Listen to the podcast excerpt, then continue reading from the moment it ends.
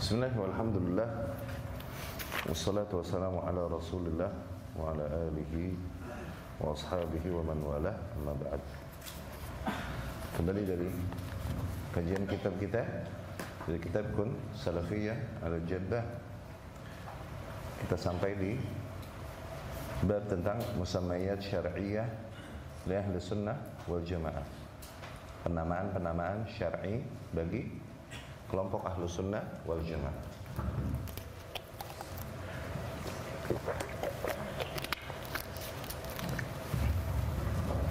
Kemarin kita telah jelaskan ketika disebut dengan ahlu sunnah bisa jadi yang dimaksudkan bisa dua dua makna oke okay?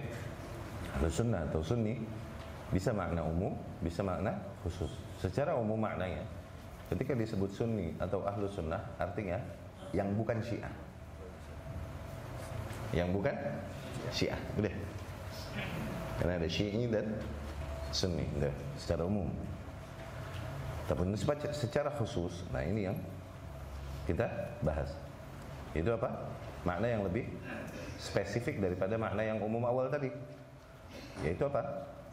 Para pengikut sunnah Rasul Sallallahu Alaihi Wasallam yang murni, ya. Yang bersih dari bid'ah bid'ah. Bid'ah bid'ah kelompok dan bentuk apa pun. Ya. Bersih dari bentuk bid'ah bid'ah. Seperti bid'ah golongan khawarij jahmiyah murji'ah syiah dan lain-lain. Ya ini yang dimaksud dengan ahlus sunnah yang maknanya secara khusus. Ya. Kemudian juga telah dijelaskan perkataan Syekhul Islam kemarin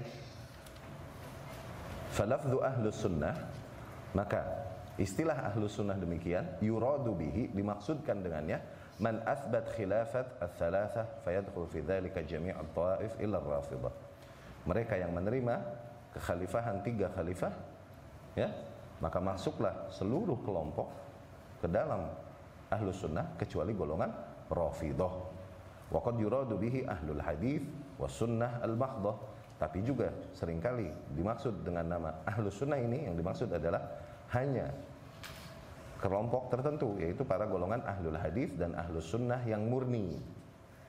Fala yadkhul fihi illa man yuthbit as-sifat. Tuh, maka tidaklah masuk ke dalam kriteria ahlus sunnah kecuali golongan yang mengisbat sifat Allah Subhanahu wa taala dan menegaskan bahwasanya Al-Qur'an makhluk dan bahwasanya Allah kelak akan dapat dilihat di akhirat. Dan kemudian mereka menegaskan keberadaan dan kebenaran tak takdir. Dan hal-hal lain yang sebagaimana ma'rufah diketahui inda ahli hadis was sunnah. Nah. di sini Syekhul Islam rahimahullah menyebutkan beberapa kasus-kasus akidah yang membuat ahlu sunnah secara khusus ini berbeda dari kelompok-kelompok lain. Ya perkara-perkara usul yang membuat mereka berbeda dari kelompok lain di antaranya mengisbat asma wa sifat itu okay? meyakini takdir meyakini Allah dapat dilihat di akhirat ini perkara-perkara yang dibahas di dalam bab-bab akidah di mana kelompok-kelompok lain bertentangan dengan ahlus sunnah di dalam poin-poin ini okay? kalaupun bukan hanya syi syiah nah ahlus sunnah di istilah yang kedua ini lebih khusus ya itu telah kita jelaskan. Kemudian juga telah kita jelaskan di sini.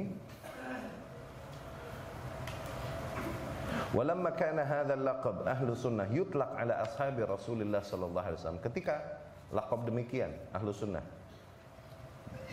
ya, diterapkan kepada para sahabat Rasul sallallahu alaihi wasallam wa manittaba'uhum dan mereka yang mengikuti para sahabat Rasul ala ma kanu alaihi minal hadi yang mengikuti petunjuk yang para sahabat Rasul berada di atasnya tanaza'atil tawaif hadzal laqab. Maka kelompok-kelompok yang ada berebutanlah untuk mendapatkan untuk mengambil gelar itu ahlus sunnah. Ya kan? Walakin al ibrah bil haqa'iq walaysat bid da'awa tapi bagaimanapun ibrah itu kita ambil dari hakikat perkara bukan dari pengakuan-pengakuan ya. Kemudian juga telah dijelaskan oleh Syekh kemarin, ya. Bahwasanya nama-nama ahli bid'ah dan lakab-lakab mereka sering kali kembali kepada pendiri-pendiri yang membuat formula-formula keyakinan mereka tersebut seperti apa? Asy'ariyah, Maturidiyah, Kullabiyah, Karramiyah tuh. Karramiyah. Karramiyah ini kelompok mana? Muhammad bin Karam. Muhammad bin Karam. Dia pecahan dari Murji'ah. Pecahan dari Murji. Ini ghulat Murji'ah, Murji'ah Murji'ah ekstrim Muhammad bin Karam. Murji'ah ini bilang iman ini kaulun doang, kagak pakai amal. Lalu pun kaulun bil lisan dan kaulun bil qalb, oke. Okay. Mau amal kayak apa pun, nggak dosa untuk mereka. Itu Murji'ah tuh. Oke? Okay? Tapi karamiyah lebih jauh lagi. Iman ini yang dibilang iman Kaulun bil lisan doang. Kalaupun hatinya mendustainya, dia terhitung beriman. Kalaupun hatinya tidak membenarkan apa yang dikatakan lidahnya, tapi lidahnya menyatakan keimanan, maka terhitung dia beriman. Begitu. Ya, ini hulat murjiah. Murjiah ekstrim. Muhammad bin Karom. Ya. Karomiyah. Atau juga nama-nama kelompok mereka nih sering kali dinisbahkan kepada pokok pondasi bid'ah mereka seperti apa? Rafidah yang menolak nasihat yang diberikan oleh Zaid ya rahimahullah. Kemudian juga kepada Jahmiyah. Itu menama ya, Jaham bin Safwan ya. Kepada Nawasib. Nawasib yang nasabu al-a'da li ahli bait yang mereka mengibarkan permusuhan kepada para ahlul bait Nabi. Ya, atau qadariyah tuh kepada bid'ah mereka yang mereka buat dikarenakan mereka mulai membuat konsep mengimani qadar yang berbeda dengan salaf. Ujung-ujungnya mereka menafikan keberadaan tak takdir. Loh. Sufiyah. No diambil dari kata suf wall yang mereka pakai ya sebagai bentuk zuhudnya mereka dan meninggalkan nikmat-nikmat dunia dengan tujuan untuk lebih memperbanyak ibadah kepada Allah Subhanahu wa taala. Ini gaya-gaya yang datang dari ahlul kitab terutama dari Nasrani yang hidup di biara-biara dengan baju-baju wall demikian, ya. Kemudian batiniyah, kemudian murji'ah dan lain-lain.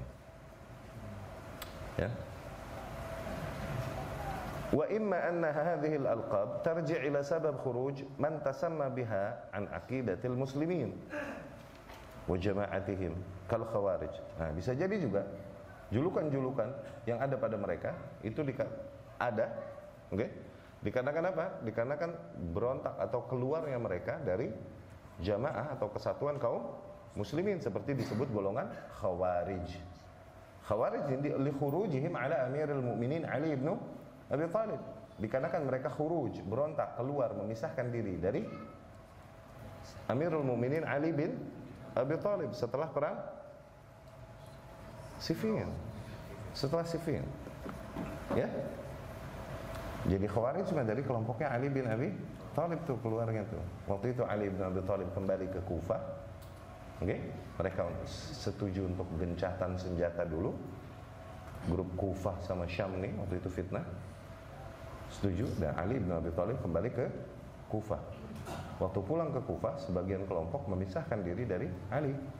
Kemudian pergi ke daerah namanya Harura. Enggak? Enggak kembali ke Kufah bersama Ali dan mengkafirkan kedua kelompok sahabat tersebut. Nah, ini jadi golongan Haruriyah juga. Disebut juga Khawarij. Kenapa? Yakhrujun. Mereka keluar dari barisan Ali bin Abi Disebut juga Mariqah yang melesat. Dikarenakan Rasul bilang yamrukuna minad din kama yamruqus sahmu min ya Qala Syekh Bakar Abu Zaid lihat di halaman 33 Syekh Bakar Abu Zaid rahimahullah berkata di dalam tulisannya hukmul intima ilal firaq wal ahzab wal jama'at hukum berintima ya. Hukum apa? Al intima ya? hukum tentang di mana? Kau menisbahkan dirimu kepadanya itu tantami ilai ya. Apa bahasa Indonesia-nya? Apa intima apa fanatisme oke okay? fanatisme golongan fanatisme golongan intima tantami ilai Ya. Di mana kau menisbahkan dirimu bahwa kau mengikuti golongan itu akhirnya tumbuh fanatisme itu tuh. Seperti ta'assub. Berangkat dari intima. Hukum berintima demikian kepada kelompok-kelompok dan ahzab dan partai-partai dan jamaat al-islamiyah, ormas-ormas, organisasi-organisasi Islami. Okay? Beliau berkata rahimahullah, "Lamma hasalat tilkal firaq muntasibatan ilal Islam munsyaqqatan"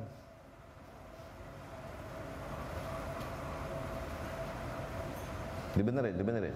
Lamma hasalat tilkal firaqul muntasibatu. Tuh, jangan muntasibatan, tapi kasih alif lam. Al muntasibatu untuk yang pegang bahasa Arabnya.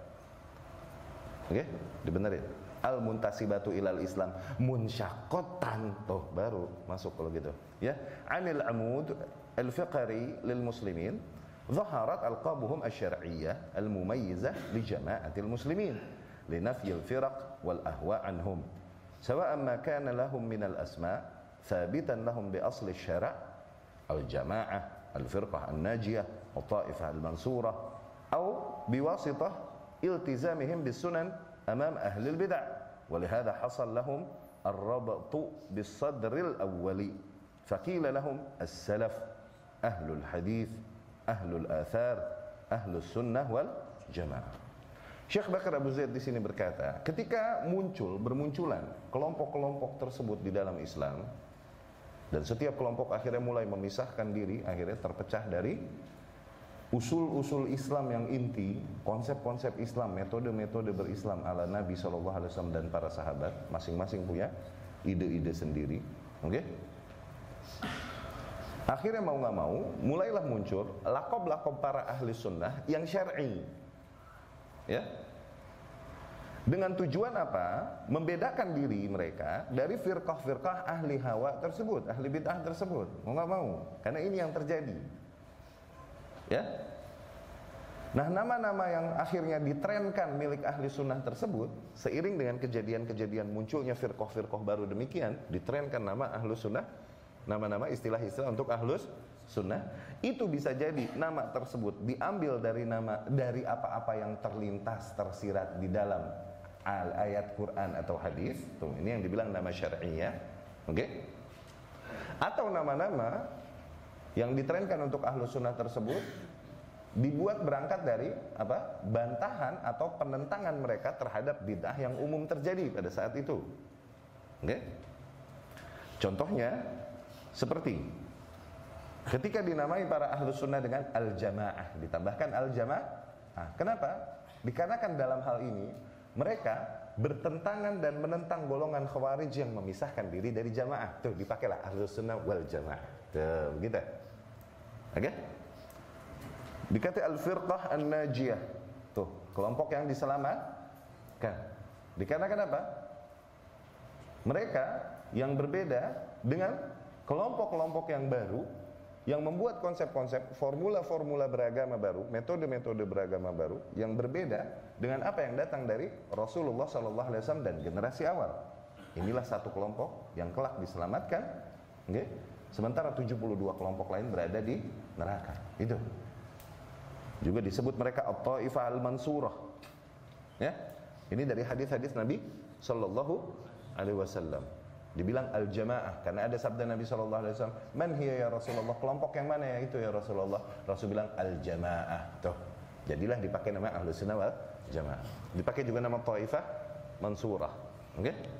Taifah Mansurah ini diambil dari kata la tazalu taifatum min ummati 'alal haqqi zahirin. Akan senantiasa ada satu kelompok di antara umatku yang terus akan menampakkan yang hak, mengibarkan bendera yang hak la yadurruhum man khadalahum man khalafahum. Mereka tak gentar menghadapi rintangan-rintangan ya dari non muslim man khalafahum yang menentang mereka dari golongan non muslim wala man khazalahum tidak juga mereka goyang dikarenakan penentangan yang dilakukan oleh mereka dari golongan kaum muslimin. Tuh khalafahum dari non muslim khazalahum dari muslim sendiri yang menentang.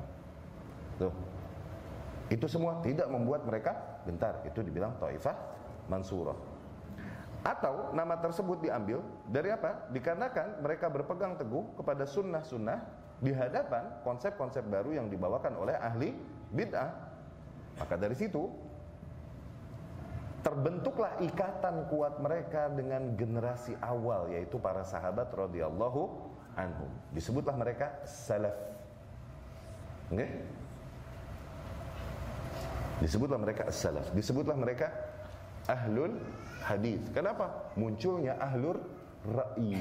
Ya, tuh. Akhirnya dikatakan ahlul hadis. Ya. Tuh.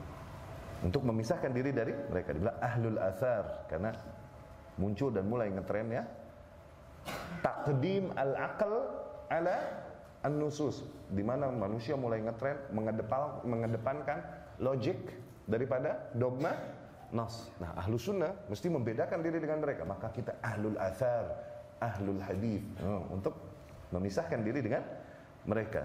Dibilang ahlu sunnah wal jamaah dikarenakan apa? Kita bertahan, bersabar bersama penguasa yang ada, tidak berontak. Oh, wal jamaah. Tuh. Ya, demikianlah muncul penamaan-penamaan ahlus sunnah. Entah penamaannya dari apa-apa yang tersirat memang, eh tersurat ya di dalam ayat atau hadis atau penamaan-penamaan tersebut dibentuk daripada dari apa? Dari sebagai bentuk bantahan mereka terhadap tren yang sedang terjadi di dalam golongan ahli bid'ah, ya. Al-alqab asy-syarifah tukhalif ayya laqabin kan li ayyi firqah kanat min wujuh. Nah, lakab-lakab yang mulia ini bertentangan dengan lakab yang dimiliki oleh kelompok mana pun dari beberapa sisi. Lakab-lakab ahli sunnah ini nama-nama lain ahli sunnah ini semuanya mulia oke okay? dan berbeda dengan lakob-lakob yang ada pada kelompok-kelompok lain dari sisi apa? dari beberapa sisi yang pertama annaha nisabun lam tanfasil bahwasanya Nama-nama tersebut adalah nisbah yang tak pernah terputus walau lilahzah kalaupun cuma sejaman sejenak anil ummah al-islamiyah dari umat Islam mundu takwiniha ala minhajid nubuwah. Sejak hari pertama pendiriannya di atas metode nabawi. Fahiya tahwi jami'al muslimin. Yang pada saat itu mencakup seluruh kaum muslimin ala tariqah ar-ra'il al-awwal yang mereka semua berada di atas metode generasi pertama. Wa man yuqtada bihim fi talaqqi al-ilm dan juga mencakup mereka yang diambil ilmu darinya di dalam agama ini. Mencakup semua ahli ilmu yang di mana kita ambil ilmu dari mereka ya. Metode-metode yang mereka berada di atasnya. Konsep yang mereka berada sepakat di atasnya. Tariqah fahmi cara mereka memahaminya yakni mindset mereka tuh. Wa bi tabi'ati da'wah ilaihi wa darurah inhisar al-firqah an-najiyah fi ahli sunnah wal jamaah dan mau nggak mau, ya akhirnya terbataslah makna kata kelompok yang terselamatkan al-firqah an-najiyah hanya pada golongan ahlus sunnah wal jamaah ini. Wahum ashab hadzal manhaj yaitu mereka yang mengikuti manhaj ini ya. Wahia la tazal baqiyah. Dan kelompok ini akan senantiasa terus ada ila yaumil qiyamah sampai hari kiamat kelak akhdan min qawlihi disimpulkan dari sabda Rasul sallallahu alaihi wasallam la tazalu ta'ifatum min ummati mansuratan alal atau mansuratun alal haq senantiasa akan ada satu kelompok di antara umatku yang selalu dimenangkan di atas yang hak ya. Demikianlah manhaj generasi pertama. Semua kaum muslimin manhajnya sama. Di generasi pertama ya sejak zaman pendirian Islam sejak awal bersama Rasul Shallallahu Alaihi Wasallam dan para sahabat dibilang Muslim itu satu metode udah satu konsep sama semuanya. Satu mindset cara berpikirnya sama cara beribadahnya sama cara berakidahnya sama. Dulu belum ada perpecahan belum ada perbedaan. Ini yang dibilang man haj ya. Maka meliputi akidah ibadah suluh uh, uh, apa namanya muamalah dan lain-lain semuanya. Ini yang dibilang man haji.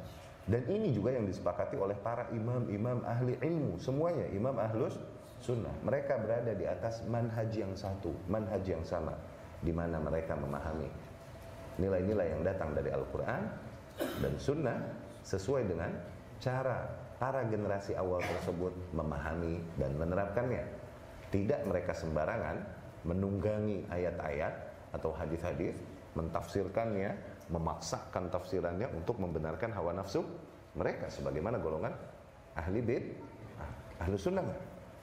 Semua nilai yang datang dari Al-Quran dan hadis dilihat bagaimana generasi salaf dulu menerapkannya. Ada nggak yang pernah mengatakan seperti yang aku katakan sekarang? Ngeri untuk ngomong duluan. Enggak? Ada nggak yang pernah melakukan ibadah seperti yang aku, aku akan lakukan sekarang? Apakah aku orang yang pertama kali melakukannya? Tuh, nggak mau begitu kalau ahli sunnah. Lihat contoh awal, ada nggak? Berbeda dengan ahli bid'ah. Ini yang membedakan ahlu sunnah dengan ini yang bilang aslul usul Pondasi dari segala pondasi ini yang dibilang kaidah man haji. Ini meliputi akidah, ibadah dan semua aspek-aspek beraga, beragama. Semua imam ahlu sunnah sama. Okay?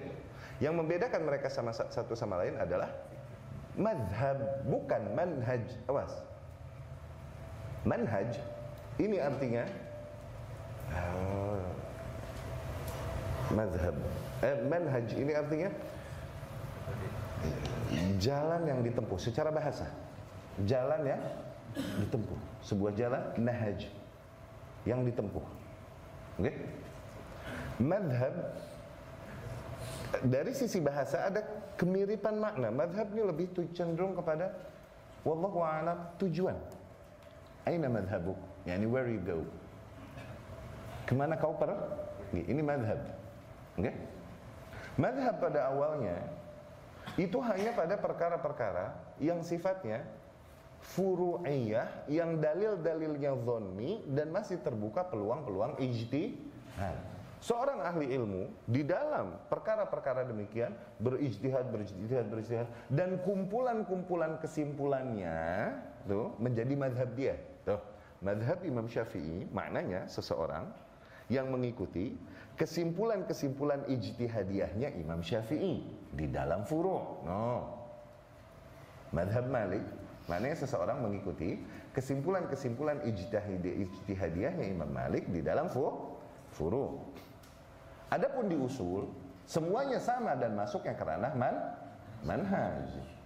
Mau Imam Malik, Imam Syafi'i, Imam Ahmad dan lain-lain semua manhajnya sah sama dan terang nyata jelas manhaj salah satu makna manhaj secara bahasa nahaja artinya wadaha wadih clear tenang terang. Konsep metode yang sangat terang.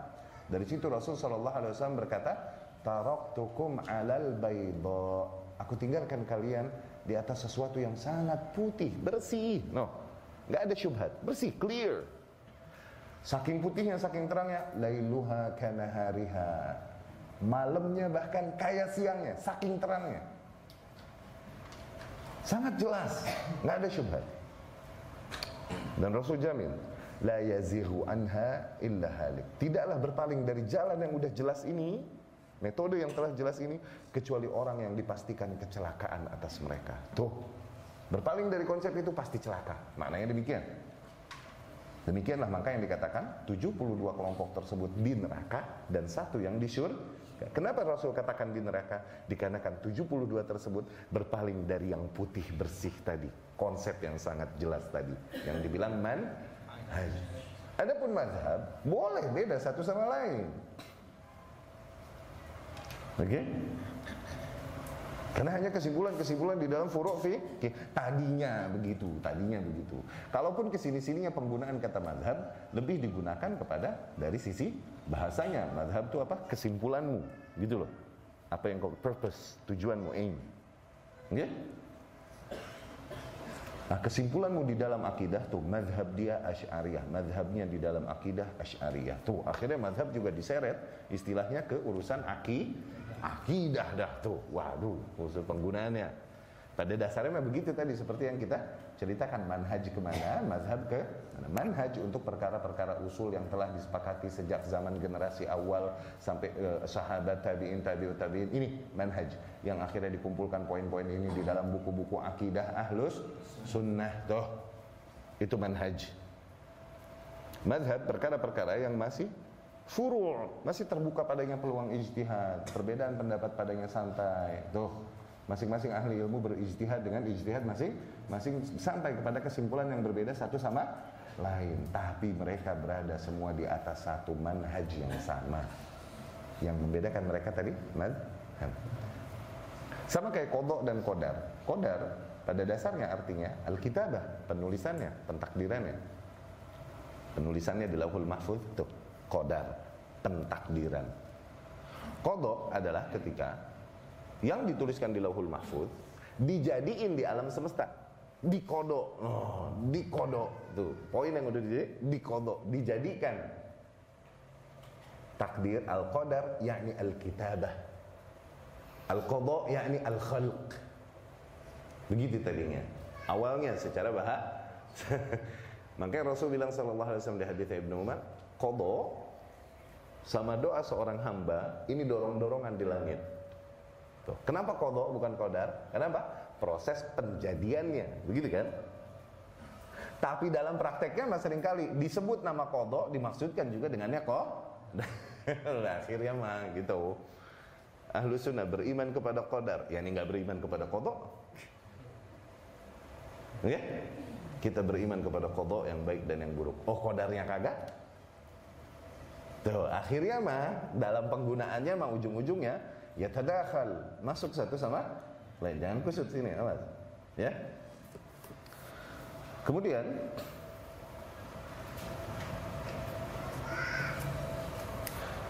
itu yang pertama tadi, ya. Yang kedua, annaha tahwi kullal Islam. Bahwasanya julukan-julukan yang ada pada ahlu sunnah tersebut itu meliputi Islam secara keseluruhan yaitu Alkitab dan As-Sunnah. Ya. La takhtassu bi rasmin yukhaliful kitab was sunnah ziyadatan atau nuqsan atau naqsan. Tidaklah julukan-julukan demikian dikhususkan untuk lambang-lambang tertentu, okay? atau ciri-ciri tertentu yang bertentangan dengan kitab dan sunnah, baik lebih improvisasi dari kitab atau sunnah atau mengurang-urangi apa yang ada di dalam kitab dan sunnah. Ini julukan-julukan tersebut yang akhirnya diterapkan para ulama untuk mengistilahi ahlu sunnah. Okay? Ini maknanya mencakup Islam secara keseluruhan bersama sumber-sumbernya Alkitab, As-Sunnah dan ijma' kesepakatan-kesepakatan yang terjadi sejak zaman generasi awal usul akidah ahlu sunnah semua. Tidaklah bisa diterapkan nama-nama ini kepada sebuah kelompok di antara kelompok-kelompok yang lain yang ada. Dikatakan apa? Akan ada kekurangan apabila diterapkan nama tersebut atas mereka. Ya entah di kelompok tersebut terjadi sebuah tambahan-tambahan improvisasi di dalam beragama yang tidak ada di dalam Alkitab dan Sunnah atau entah di dalam kelompok tersebut terjadi pengurangan dari nilai-nilai yang datang dari kitab dan sunnah. Nggak tepat kalau dinamakan nama-nama itu kepada nama-nama syar'i bagi ahlus sunnah ini diterapkan kepada kelompok-kelompok lain selain ahlus sunnah sendiri. Tuh, gitu maksudnya. Al-thalith yang ketiga, Alqab annaha alqabun minha ma huwa thabit bis sunnah as-sahihah wa minha man lam yabraz illa fi muwajahat ahli al-ahwa. Ini sebagaimana kita jelaskan tadi. Di antara laqab-laqab ahlu sunnah tersebut, di antaranya ada yang Oke? Okay, itu penamaannya berdasarkan dari sunnah yang sahih okay? ada juga di antara nama-nama atau lakob-lakob ahlu sunnah tersebut muncul dikarenakan apa? Penentangan mereka terhadap apa yang ada atau tren yang terjadi pada ahli bid'ah pada saat itu atau kelompok-kelompok yang sesat pada saat itu untuk dalam rangka menentang mereka. Untuk membedakan diri dari kelompok yang tersesat tersebut. Agar manusia tidak kusut. Oh, supaya ibadul khalat supaya tidak tercampurkan para ahlul haq dengan ya selain ahlul haq ya. Falamma zaharatil bid'atu tamayyazu bis sunnah ketika mulai muncul misal ketika mulai muncul bid'ah di antara kaum muslimin maka mulailah mereka menamai diri dengan sunnah. Walamma hukima ar-ra'yu ketika tren ra'yu eh, logika mulai menyebar di antara kaum muslimin Oke, okay? maka tamayyazu, maka para ahlu sunnah membedakan diri mereka dengan menamai ahlul hadis dan asar. Kenapa? Kita enggak kepada rasio tapi kepada riwayat. Begitu. Ya. Walamma fashatil bid'ah wal ahwa fil khuluf tamayyazu bi hadis salaf. Dan ketika mulai semakin menyebar bid'ah-bid'ah, ya, penyimpangan-penyimpangan. Mulailah mereka membedakan diri dengan petunjuk salaf. Nah, ya, ini ketika muncul, mulai muncul kelompok-kelompok yang masing-masing membawa metode masing-masing yang mereka buat masing-masing, mereka membedakan diri dengan kelompok-kelompok tersebut dengan nama salaf. Yani kita tidaklah membuat metode mengikuti formula beragama kecuali yang datang dari salafus saleh. Wahakada dan terus demikian. Ar-rabi' yang keempat, anna aqdal wala wal bara wal mualat wal muadat ladaihim huwa 'ala al-islam la 'ala rasmin bismin muayyanin. Tuh, bahwasanya Penetapan wala dan barok kita loyalitas dan berlepas diri. Itu semua kepada Islamnya. Tuh, kalaupun kita membela, menyanjung, itu kepada nilai-nilai Islamnya. Kalaupun kita memusuhi, itu demi membela Islamnya, bukan kepada lambang tertentu yang kita lagi belain. Panji tertentu enggak. Ya.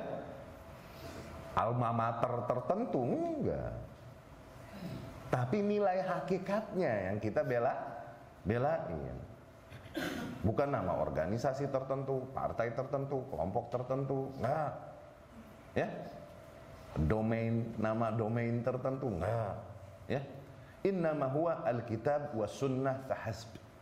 Yang dibela adalah alkitab dan as-sunnah cukup. Ya, bukan lambang-lambang. Hati-hati, kenapa? Salah satu ciri ahli bidah, mereka akan membuat lambang-lambang yang membedakan diri mereka dari kaum muslimin yang lain. Ya, ini dari kemarin kita nasihat-nasihatin ikhwan-ikhwan. Awas. Berangkat dari semangat beragama yang baik kadang. Cuman kadang kita nggak tahu penerapannya yang tepat sehingga tanpa disadari kita terjerumus ke dalam gaya-gaya ahli bid'ah. Awas. Yang di mana kita membedakan diri seolah-olah dengan kelompok lain. Iya kan? Sehingga seseorang membanggakan diri dengan stiker radio yang ditempel di motornya, di mobilnya. Tuh, awas loh. Ini wallahu alam nggak tepat, wallah nggak tepat ini. Penamaan tersebut mereka sebenarnya kalau bisa berdakwah tanpa nama begitu bisa mereka mendingan berdakwah tanpa nama kenapa kalau dibikin nama organisasi atau yayasan tersendiri takutnya jadi ada intima tadi ada fanatisme golongan tadi Cuman karena emang tuntutannya harus dibuat nama, yayasan, bikin institusi pendidikan harus pakai na, nama mau nggak mau untuk pengesahan dan lain-lain, akhirnya dibikinlah sebatas itu.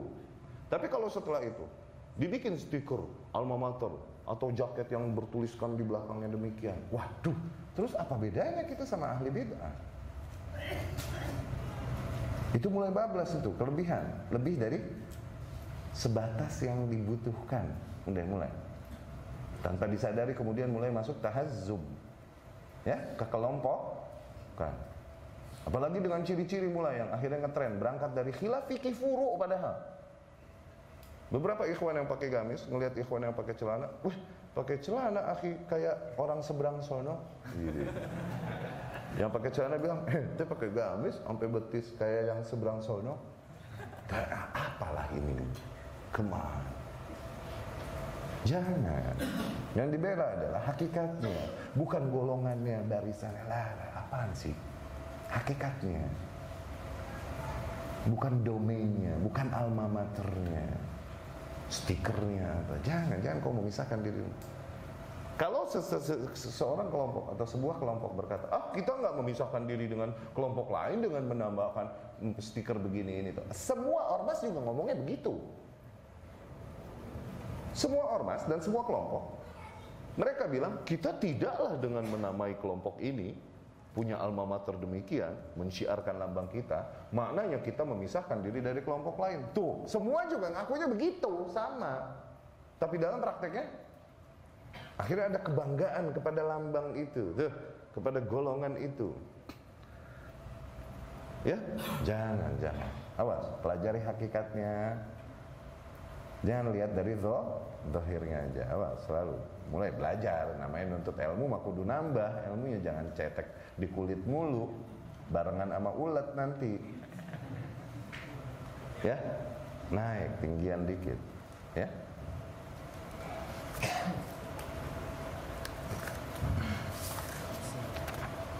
jadi pembelaan wala baro kepada apa kepada hakikatnya kepada Islamnya ya.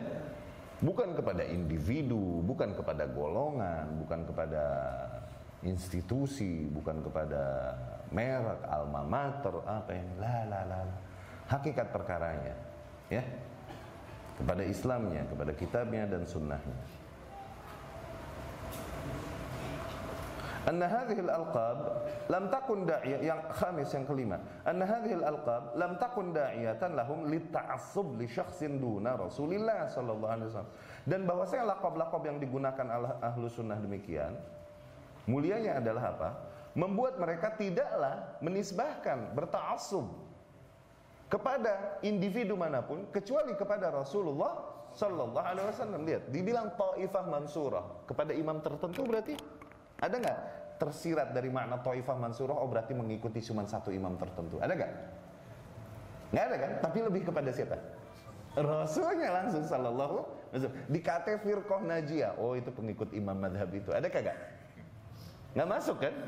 Tapi lebih kepada langsung Rasulnya sallallahu alaihi wasallam. Ahlu sunnah wal jamaah. Kepada siapa?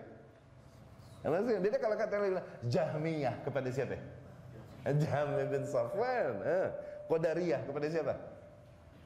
Kelompok yang muncul mulai menolak dogma takdir yang ada di dalam ahlus sunnah sebagaimana datang dari Rasul dan para sahabat. Ayo, iya gak? Enak gak? Maka jangan kalian menisbahkan diri kalian selain kepada Rasul Sallallahu Alaihi Wasallam. Ya, jangan kalian nisbahkan diri kalian kepada hal tersebut.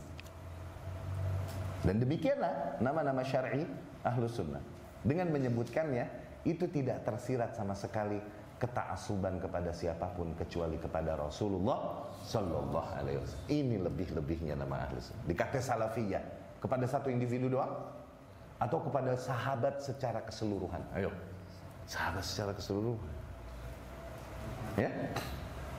As-sadis yang keenam, anna hadhihi al-alqab la tufdi ila bid'ah wala ma'siyah wala asabiyah li syakhsin muayyanin wala li ta'ifah muayyanah. Sama bahwasanya lakab-lakab demikian yang keenam, okay, itu tidak mendorong mereka kepada ya ini tidaklah menisbahkan mereka kepada sebuah bid'ah tertentu atau perbuatan maksiat tertentu tuh atau ras tertentu ya atau juga eh, apa namanya ketaasuban kepada individu tertentu atau kelompok tertentu. Ya. Demikian mengapa penamaan lakob-lakob lain selain ahlu sunnah seperti yang beredar dan diwariskan dari generasi ke generasi di dalam barisan ahlu sunnah Taifah Mansurah, Firqah Najiyah, Salafiyah, Ahlul Athar, Ahlul Habib. Ini benar dan tidak bertentangan dengan syariat. Ya. Itu semoga dapat difahami ya. Di jam berapa ini? 8 apa? 10 Kita ya? Sampai dulu. Tapi kita sampai situ dulu Supaya ada kesempatan tanya jawab. Di pertemuan yang akan datang Kita akan mencoba menjelaskan tentang definisi-definisi Dari setiap Lakob-lakob ya Atau penamaan-penamaan Ahlus sunnah wal jamaah ya. Insya Allah